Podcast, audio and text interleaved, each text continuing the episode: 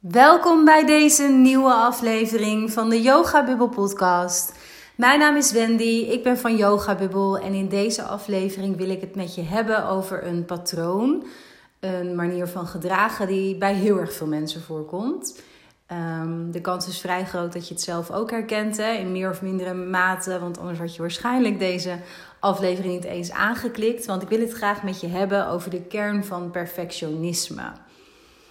Nou, afgelopen week, dit is ook weer zo'n onderwerp wat, hè, als je vaker een aflevering van mij beluistert in mijn podcast, dan weet je dat ik voor de onderwerpen van mijn podcast heel erg put. Ja, enerzijds uit mijn eigen leven, uit mijn eigen ervaringen, dingen die voor mijzelf persoonlijk, privé ook voorbij komen. Maar zeker ook uh, vanuit mijn één op één coachingstrajecten. Ik heb een aantal prachtige dames die ik gedurende vier maanden, en sommige blijven ook veel langer bij me, die verlengen, dat kan natuurlijk ook. Uh, maar ik heb elke keer, elke vier maanden, een aantal prachtige vrouwen die ik mag en kan coachen. Um, en vanuit die trajecten merk ik elke keer opnieuw dat er thematiek is die heel erg vaak in een ander jasje, misschien met een iets andere nuance, een iets andere achtergrond, maar toch weer voorbij komt. En dat zijn voor mij onderwerpen waarvan ik dan elke keer denk: oh ja, dat is zo herkenbaar. Allereerst voor mijzelf vroeger. Um, en soms ook in het hier en nu, want ik leer natuurlijk ook weer van mijn coachingstrajecten. Zo werkt dat gewoon, wat mij betreft. Dat is altijd wederkerig. Maar vooral ook dat ik heel vaak denk: oh ja, ik kom dit ook vaak tegen met bijvoorbeeld een vriendin. Of ik denk gewoon dat dit wel een onderwerp is waar heel erg veel mensen en zeker ook vrouwen mee te maken hebben. Omdat ik nu simpelweg uh, voornamelijk vrouwencoach. Nou, een van die onderwerpen is dus ook perfectionisme. En dat kwam afgelopen week uh, voorbij in een uh, coaching sessie die ik had met een dame die al wat langer bij mij in een traject zit. En ja, we waren een beetje aan het terugkijken, aan het reflecteren op het moment dat zij bij mij instapte in het traject. Vanuit eigenlijk een totaal andere aanleiding. Um, ja, ik kan en wil daar niet al te veel over in detail treden, want dat is natuurlijk persoonlijk en privé voor deze dame. Maar zij stapte bij mij in. Dat had te maken met um, haar relatiedynamieken, met um, de scheiding waar zij recent doorheen was gegaan.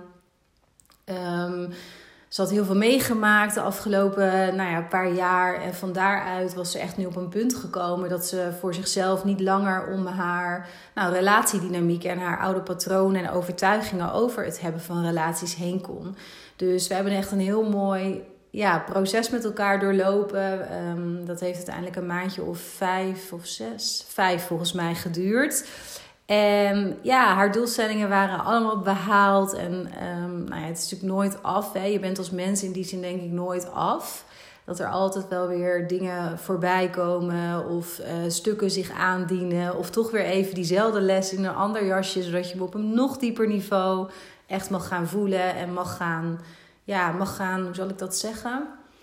Echt in jezelf mag gaan leven, mag gaan opslaan. Maar aan het einde van het traject, uh, toen begon zij um, langzaam al stappen te zetten in eigenlijk wat ze heeft meegemaakt. Dus ik dat eventjes in een zin heel makkelijk moet vatten. Om daar dus anderen mee te gaan helpen. En dat is het allermooiste wat er is. Dat weet ik uit eigen ervaring. Dus van daaruit heeft ze mij gevraagd: Goh, zou je nog het traject met mij willen verlengen? En dat we dan echt gaan kijken hoe ik dat kan doen. In welke vorm, wat bij mij past, et cetera. Nou, van daaruit hadden we dus eh, deze week een heel mooi reflectiegesprek eigenlijk op het moment dat ze bij mij instapte in het traject. Heel lang geleden eigenlijk ondertussen, ondertussen dus. Um, en toen zei ze, oh Wendy, ik was ook zo zenuwachtig toen ik bij jou erin stapte. Want ja, ik keek heel erg tegen jou op. Ik volgde jou al heel erg lang. En ik dacht echt, jee, wat moet zij wel niet van mij denken? En van mijn verhaal en van alles hoe ik mij opstel en hoe ik me gedraag, et cetera. En toen gingen we daar door. Want ja, dit geeft mij altijd al een beetje. Misschien hoor je het ook in hoe ik dit zeg. Ik moet een beetje lachen hiervan. En niet om haar uit te lachen, verre van. Um, maar ik ben denk ik een van de meest toegankelijke, benaderbare mensen. Die, uh, die je kunt voorstellen. Dat meen ik ook oprecht. Ik voel mijzelf helemaal niet boven wie dan ook staan. En ook zeker niet boven de dames die bij mij in het traject stappen. Dus dat zij dat zo ervaarde de eerste keer dat ze bij mij binnenkwam, dat, dat vind ik bijna heel gek of zo om te horen. Ik hoor het natuurlijk wel eens vaker, maar ja, het, blijft voor mij een beetje vreemd, een beetje gek. Ik snap het wel ergens, maar het is echt niet nodig.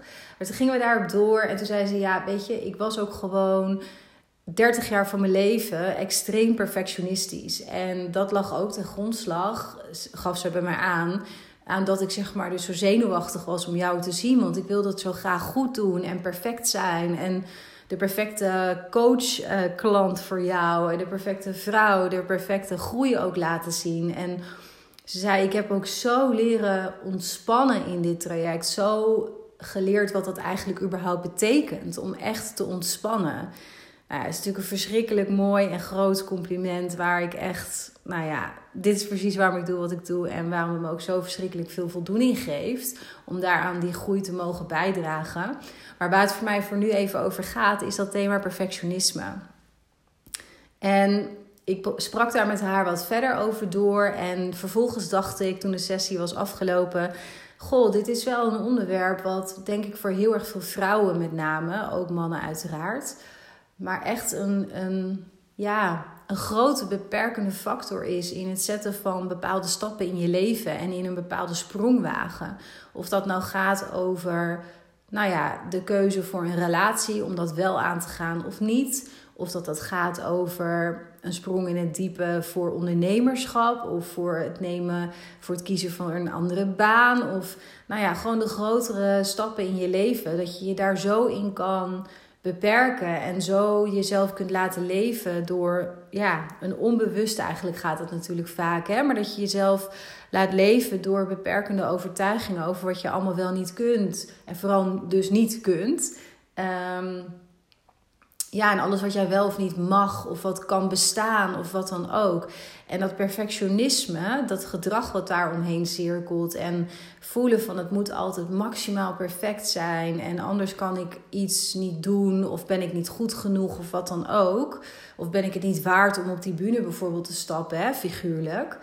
Ja, dat kan je zo remmen in wat eigenlijk voor jou by nature gewoon super goed voelt. En waarvan jij voelt, maar dit wil ik doen. Dit klopt bij mij. Ik voel dit in mijn onderbuik. Ik voel die kriebel. En ik weet diep van binnen dat dit de stap is die ik mag nemen. En dan gaat je hoofd met je aan de haal. Dan komen er allerlei bezwaren omhoog. En vanuit perfectionisme zijn dat bijvoorbeeld bezwaren als. Uh, nou, wat ik net zei, ik ben niet goed genoeg. Ik moet eerst nog tien trainingen of cursussen volgen voor ik mezelf ja, hierin uh, expert bijvoorbeeld mag noemen. Ik noem maar even een voorbeeld. Um, het is logisch dat ik die loonsverhoging niet heb gekregen, want ik doe het ook nog niet perfect. Um, goh, ik krijg nu uh, complimentjes, maar die kan ik eigenlijk helemaal niet ontvangen. Ik voel ze helemaal niet, want waar heb je het over? Het kan nog veel beter. Dat is ook inderdaad een gedrag wat veel voorkomt en wat een uiting van perfectionisme is. Hè? Het niet kunnen ontvangen van die complimentjes. Die gewoon niet voelen, niet zien, niet geloven ook. Maar ook een beetje, um, misschien wel ben ik nu hardop aan het denken, het imposter syndrome, zoals ze dat zo mooi noemen.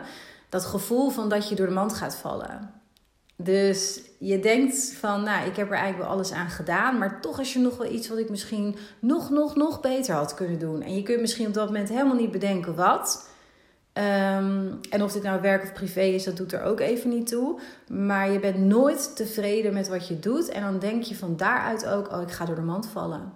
Ze gaan nu zien dat ik eigenlijk helemaal niets kan, bijvoorbeeld hè, op je werk. het is heel interessant als je dit soort zinnetjes die ik nu uit, hè, dit soort gedachten, dit soort gedragingen, als je die uh, bij jezelf herkent. Als je dat zelf ook wel eens zo voelt, of jezelf ook regelmatig zo gedraagt, of wat dan ook, is het echt heel interessant om hier eens op te reflecteren. Want waarom zou je jezelf zo beperken? Waarom zou je überhaupt niet gewoon voor jezelf het allerleukste, het allermooiste, het allerfijnste leven ever willen creëren? Kijk, of je nou gelooft in een hiernamaals of in meerdere levens of wat dan ook, maar je hebt nu dit leven. Dit leven. Je hebt dit leven nu te leven.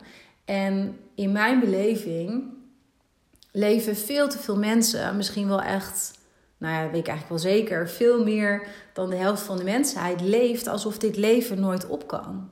Alsof het niet elke dag korter wordt. En dat wordt het wel degelijk. Dat weten we ook allemaal. Dat is natuurlijk een enorme open deur.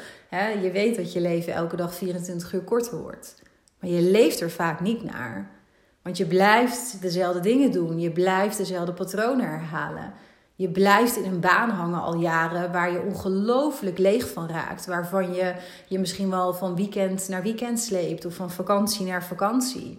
En dan maak je jezelf ook nog wijs in dit voorbeeld en waar dit voor staat, dat dat normaal is en dat dat nou eenmaal het leven is en dat niet alles leuk kan zijn en dat uh, de mensen om je heen dat waarschijnlijk ook bevestigen.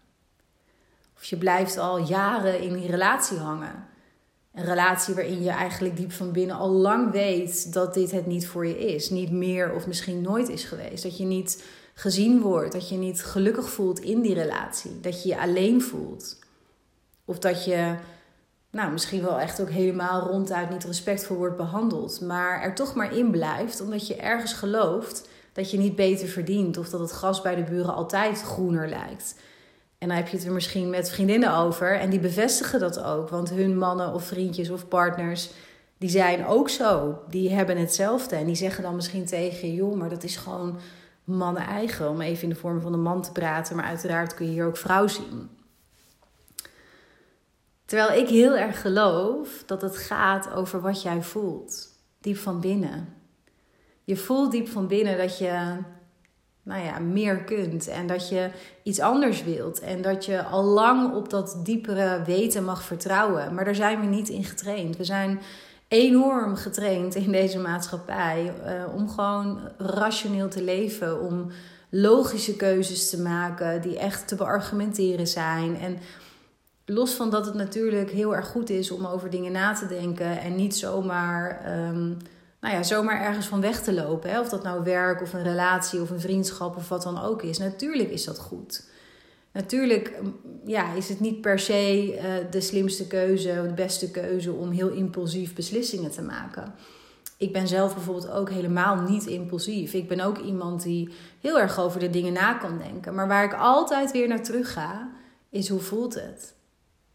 Hoe voelt dit voor mij? Als ik links ga, hoe voelt dat? Als ik rechts ga, hoe voelt dat? En als links bijvoorbeeld rationeel het lijstje is bij wijze van. Ik maak nooit lijstjes, maar stel even als figuurlijk voorbeeld. Stel dat als ik links ga, dat dat het rationele lijstje is en dat dat allemaal lekker te beargumenteren valt. Maar rechts is wat ik voel. Dan zal ik altijd terugkomen bij rechts. en dat betekent niet dat ik niet ook wel eens toch links dan ga. Dat gebeurt niet heel vaak meer, eigenlijk bijna nooit. Maar natuurlijk heb ik ook wel eens keuzes gemaakt in het verleden, zeker. Maar ook vandaag de dag nog, dat ik ook weer eventjes te veel in mijn hoofd zit. Maar altijd als dat zo is, dan blijkt het ook niet echt de juiste keuze voor mij te zijn. Of ik kom weer op datzelfde uh, kruispunt terecht. En dan mag ik weer terug naar diezelfde vraag. En dan kom ik eigenlijk altijd tot de conclusie: ja, ik voelde het al aan dat ik eigenlijk rechts mocht gaan. En ik dwaal nu een klein beetje af, want het gaat natuurlijk over perfectionisme. Maar het heeft voor mij daar wel mee te maken. Want perfectionisme is ook zo'n extreem hardnekkig patroon. Wat je op een onbewust niveau echt enorm kan leiden. Je enorm klein kan houden, kan beperken. En je dus uit die keuzes kan houden die voor jou eigenlijk al lang gemaakt zijn diep van binnen. Die je voelt, maar die je jezelf niet toestaat. Omdat het niet past in het perfecte plaatje. En dat perfecte plaatje, dat is heel vaak iets wat ja, conditionering is, om het maar zo te zeggen. Het kan zijn dat je dat perfecte plaatje hebt opgepikt vanuit je opvoeding, vanuit ouders, het gezinsleven, vriendinnen, mensen die belangrijk voor je zijn, die op een bepaalde manier ergens naar kijken. En dat plaatje ja, heb jij onbewust eigenlijk overgenomen als jouw plaatje. Maar de vraag is of dat voor jou wel het perfecte plaatje is. De conditionering komt ook, denk ik, bij iedereen in bepaalde mate vandaan van het maatschappelijke. Hè? Want kijk, we leven natuurlijk wel in een maatschappij die ons eigenlijk 24/7 ondertussen, dankzij social media, allerlei dingen voorspiegelt. Echt werkelijk van alles. En van alles laat zien wat dan een goed, perfect leven zou zijn, tussen aanhalingstekens. En ja, dat is als ik het even heel erg mag chargeren. En dat verandert de afgelopen jaren wel heel duidelijk, merk ik. Ik merk wel dat er ook, en zeker ook bij die jongere generatie, zie je heel duidelijk dat die anders denken. Dat die andere dingen belangrijk vinden, dat die keuzes vanuit een andere plek maken. Dus ik denk wel dat er ook collectief een soort van verandering langzaam is ingezet. Maar ik denk dat we nog steeds in een heel oud paradigma in die zin leven. Hè? In een heel oude uh, samenleving eigenlijk qua denken, qua mindset. En heel erg leven vanuit, oké, je wordt geboren, je gaat naar school.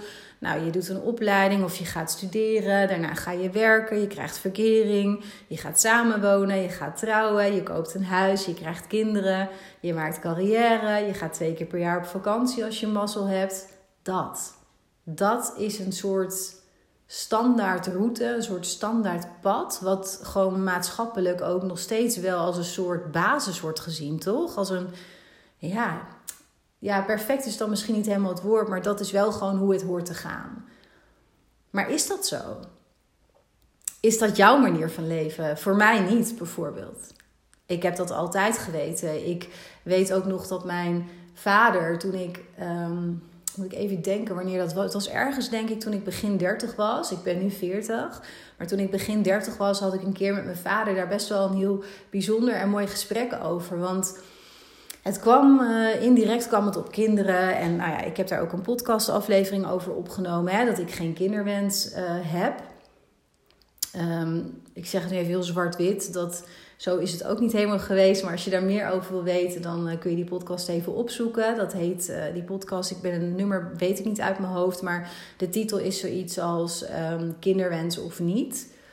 Uh, maar ik weet nog dat ik dus ergens toen met mijn vader een keer een gesprek had en zei van joh, ja, ik, ik heb dat gewoon nooit echt gevoeld, pap. En ik denk, ik, ik ben er wel soms over aan het nadenken, omdat het wel iets is wat voor vriendinnen natuurlijk nu steeds meer speelt. En ik vind kinderen eigenlijk ook heel leuk. Ik ben er ook goed mee. En ik besef me ook wel dat. Nou, ik ben bijvoorbeeld ook enig kind. Mijn moeder die is uh, jong overleden. Dus ja, dan is het op een gegeven moment wel. Als je ook geen kinderen hebt, dan stopt het dus ook gewoon bij mij. En dat is wel, was toen wel iets wat mij bezig hield van hoe kijk ik daarnaar. En mijn vader zei toen tegen mij, Wendy, ook al heb jij later in je leven ben je andere keuzes gaan maken en veel meer binnen de lijntjes gaan kleuren, maar jij bent altijd, altijd een meisje geweest voor mij wat daar niet in paste, in dat standaard beeld. In dat hebben van een gezin met kinderen en nou ja, daarnaast carrière hebben en nou ja, die stappen zo zetten. En begrijp me niet verkeerd, hè? Want misschien heb jij wel zo'n leven. En dat is, vind je, geniet je daar intens van. Dat is prachtig. Het is ook helemaal niet zeggen dat dat verkeerd is, verre van. Maar het is wel een soort standaard beeld wat over iedereen wordt uitgerold. Maar wat lang niet voor iedereen het perfecte leven of het ideale leven is. En dat was het dus voor mij eigenlijk ook nooit. En dat vond ik een heel mooi gesprek wel om met mijn vader te hebben. Maar ja, even een... Uh, een sidestep weer. Ik dwaal in deze podcastaflevering iets meer af, merk ik. Maar goed, dat is ook prima. Ja, weer terug naar dat perfectionisme ook. Van ja, wat is dan voor jou? Stel jezelf die vraag ook gewoon eens. Wat is voor jou het ideale leven? Het perfecte leven tussen aanleidingstekens. En wat is perfect, hè? Laat ik dat voorop stellen. Want ja, niets is denk ik maximaal perfect. En dat is ook helemaal niet nodig. Maar waar ben jij super tevreden mee? Waarvan ga je aan? Waarvan voel je, wow, dit is echt wat ik zo graag zou willen doen? En natuurlijk daarna, hè, dat gaat echt in millisecondes, gaat je hoofd daar van alles van vinden en die bezwaren oproepen en je kunt dit niet, et cetera.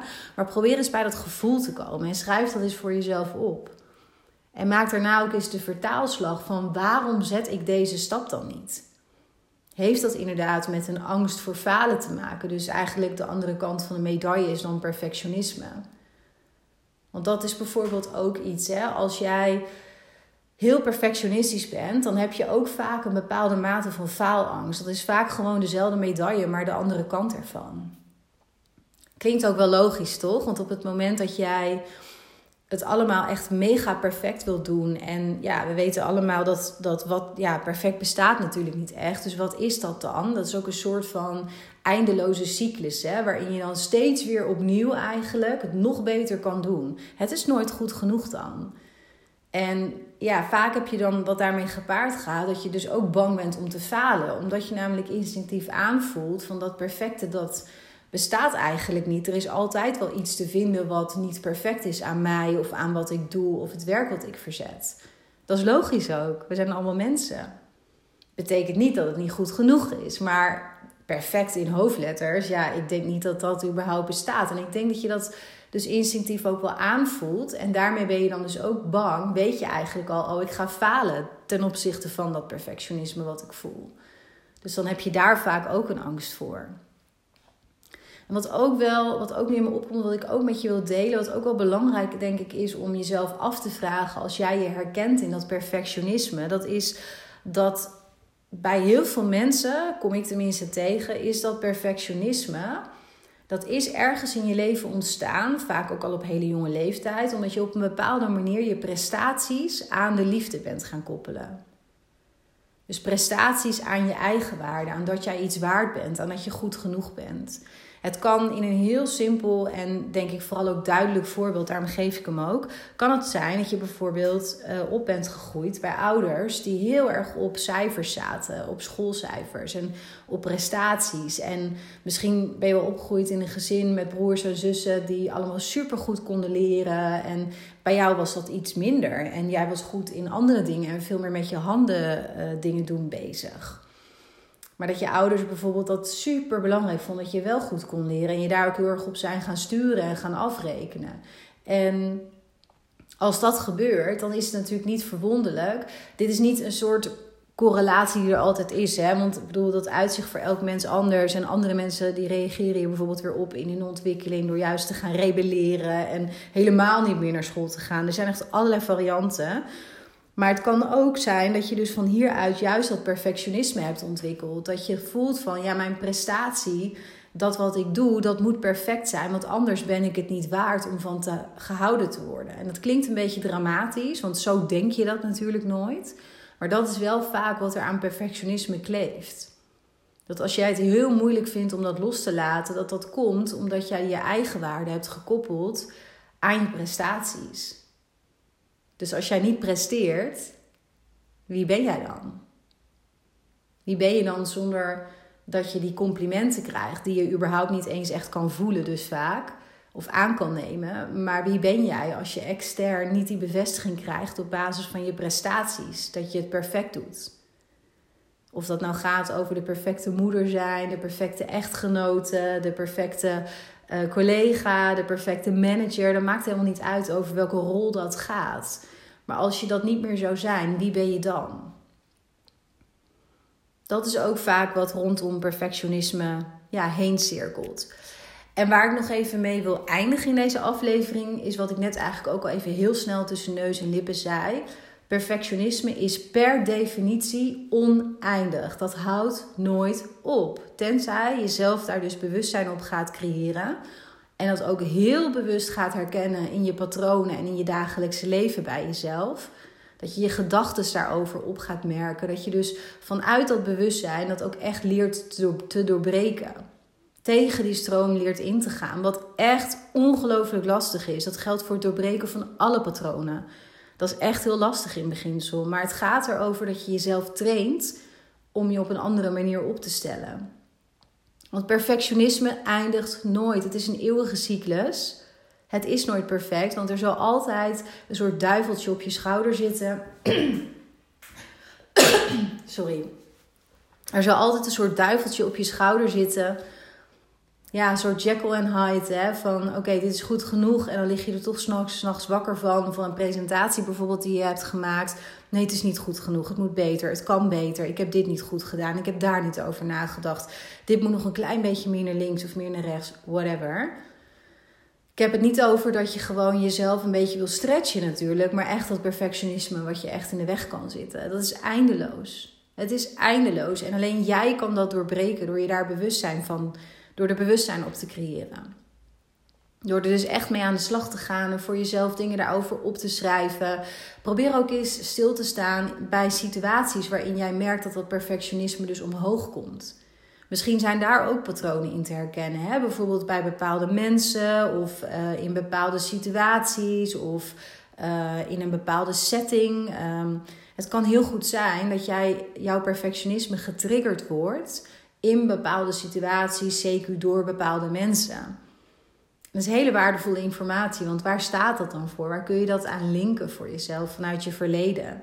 En kun je dan ook inzien dat wat jij in het hier en nu ervaart en waar jouw perfectionisme door getriggerd raakt, dat dat niets te maken heeft eigenlijk met jou en waar je nu staat en deze volwassen versie van jou. Maar dat je iets herleeft en herleeft en herleeft vanuit je verleden, omdat dat gewoon altijd zo is gegaan. En je dat perfectionisme ook bent gaan koppelen aan je eigen waarde. En dat dat dus helemaal niet meer hoeft. Het heeft nooit gehoeven, maar zeker als je er bewustzijn op creëert, dan hoeft dat niet meer. Dan kun je die keus maken in beginsel om dat anders te willen. En dan begint natuurlijk pas het proces van dat doorbreken. En dat gebeurt met vallen en opstaan. Want ja, heel vaak als we ons bewustzijn hebben, dan willen we ook dat het meteen verandert, toch? Dan wil je dat je groei lineair is. Maar dat, zo werkt groei niet, helaas. Uh, groei is gewoon cyclisch. En dat betekent voor mij dat ja, je hebt bewustzijn, je leert, je leert om gedrag anders, je leert je om anders op te stellen, anders te gedragen. En dan word je toch weer getriggerd en ben je wat onoplettend geweest, of je zit wat minder goed in je vel, of nou ja, er kunnen allerlei oorzaken voor zijn. Ja, en dan verval je toch weer in dat oude gedrag. En dan het toch weer opmerken, het weer inzien, jezelf er niet voor slaan en weer opnieuw verder gaan en daar weer stappen in zetten. Dat is wat groei is, denk ik. Nou, ik hoop dat deze aflevering voor jou inzichten heeft gebracht over perfectionisme, over nou, hoe ik daar in elk geval tegenaan kijk, dat dat voor jou ook een interessante zienswijze is. Probeer er eens mee aan de slag te gaan als je dit herkent. Schrijf dingen op. Reflecteer op jezelf. Kijk waar het voor jou terugkomt in je leven. Wat je er eigenlijk mee wil bereiken. Waarom je het hebt gekoppeld onbewust wellicht aan je eigen waarde. Het zijn echt hele interessante nou ja, oefeningen eigenlijk om te doen. Omdat de inzichten heel interessant en helzaam, zou ik willen zeggen, zijn. Nou, ik wil je bedanken voor het luisteren. En wie weet tot een volgende keer.